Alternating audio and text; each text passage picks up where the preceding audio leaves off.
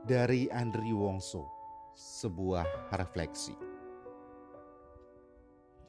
Alkisah di sebuah negeri ada seorang raja yang ingin menghadiahkan kalung berlian indah kepada sang buah hati putri kesayangannya. Tapi beberapa hari kemudian, kalung itu hilang. Seluruh rakyat kerajaan itu sudah dikerahkan untuk mencari kalung di mana-mana, tapi sia-sia saja.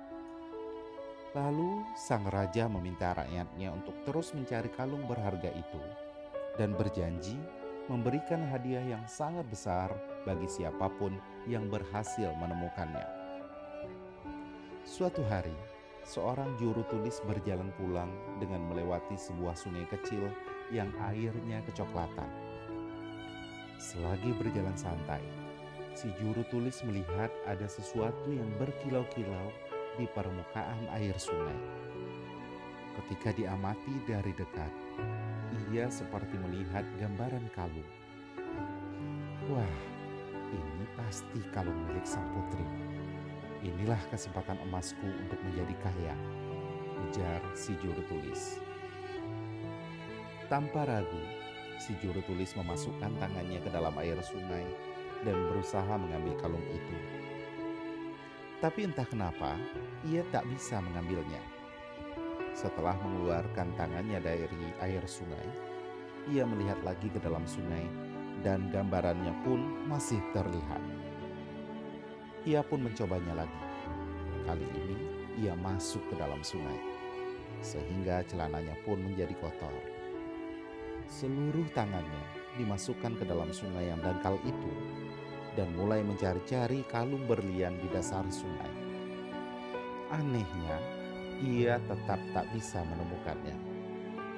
Ia keluar dari sungai, merasa sedih sekali. Ketika dilihat kembali ke permukaan sungai, gambaran kalung itu masih saja ada di sana. Kali ini, si juru tulis bertekad mendapatkannya. Ia pun memutuskan untuk menceburkan dirinya ke dalam sungai, meski sadar betul seluruh tubuhnya akan menjadi kotor. Tapi tetap saja ia tak bisa menemukan dan kehabisan akal. Saat itu muncul seorang tua yang bijak. Melihat wajah sedih campur bingung si juru tulis, bertanyalah orang tua bijak itu. Ada apa anak muda? Adakah yang bisa kubantu?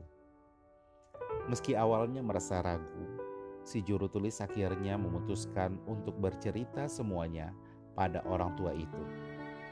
Setelah mendengar cerita si juru tulis, orang tua itu menasehatinya. Cobalah kamu menengadah ke atas, ke dahan-dahan pohon. Mungkin seekor burung gagak mencuri kalung itu dan menjatuhkannya.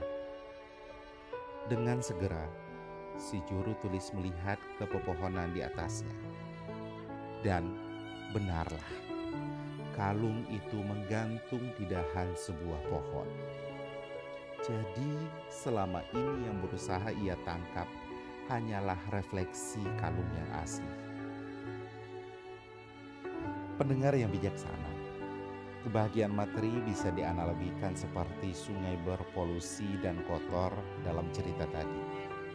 Itu hanyalah refleksi dari kebahagiaan sejati di dalam dunia spiritual kita tidak akan pernah bisa meraih kebahagiaan yang kita cari. Sebesar atau sekeras apa pun usaha yang kita kerahkan dalam dunia materi. Sebaliknya, andalkan Sang Maha Kuasa yang menjadi sumber kebahagiaan dan kedamaian yang sejati. Kebahagiaan spiritual adalah hal yang mampu memberikan kita kepuasan. Karena itu, marilah kita berusaha dan berjuang untuk mendapatkan kebahagiaan sejati selama kita masih hidup di dunia ini, saat ini, dan seterusnya. Saya, Ulyamas.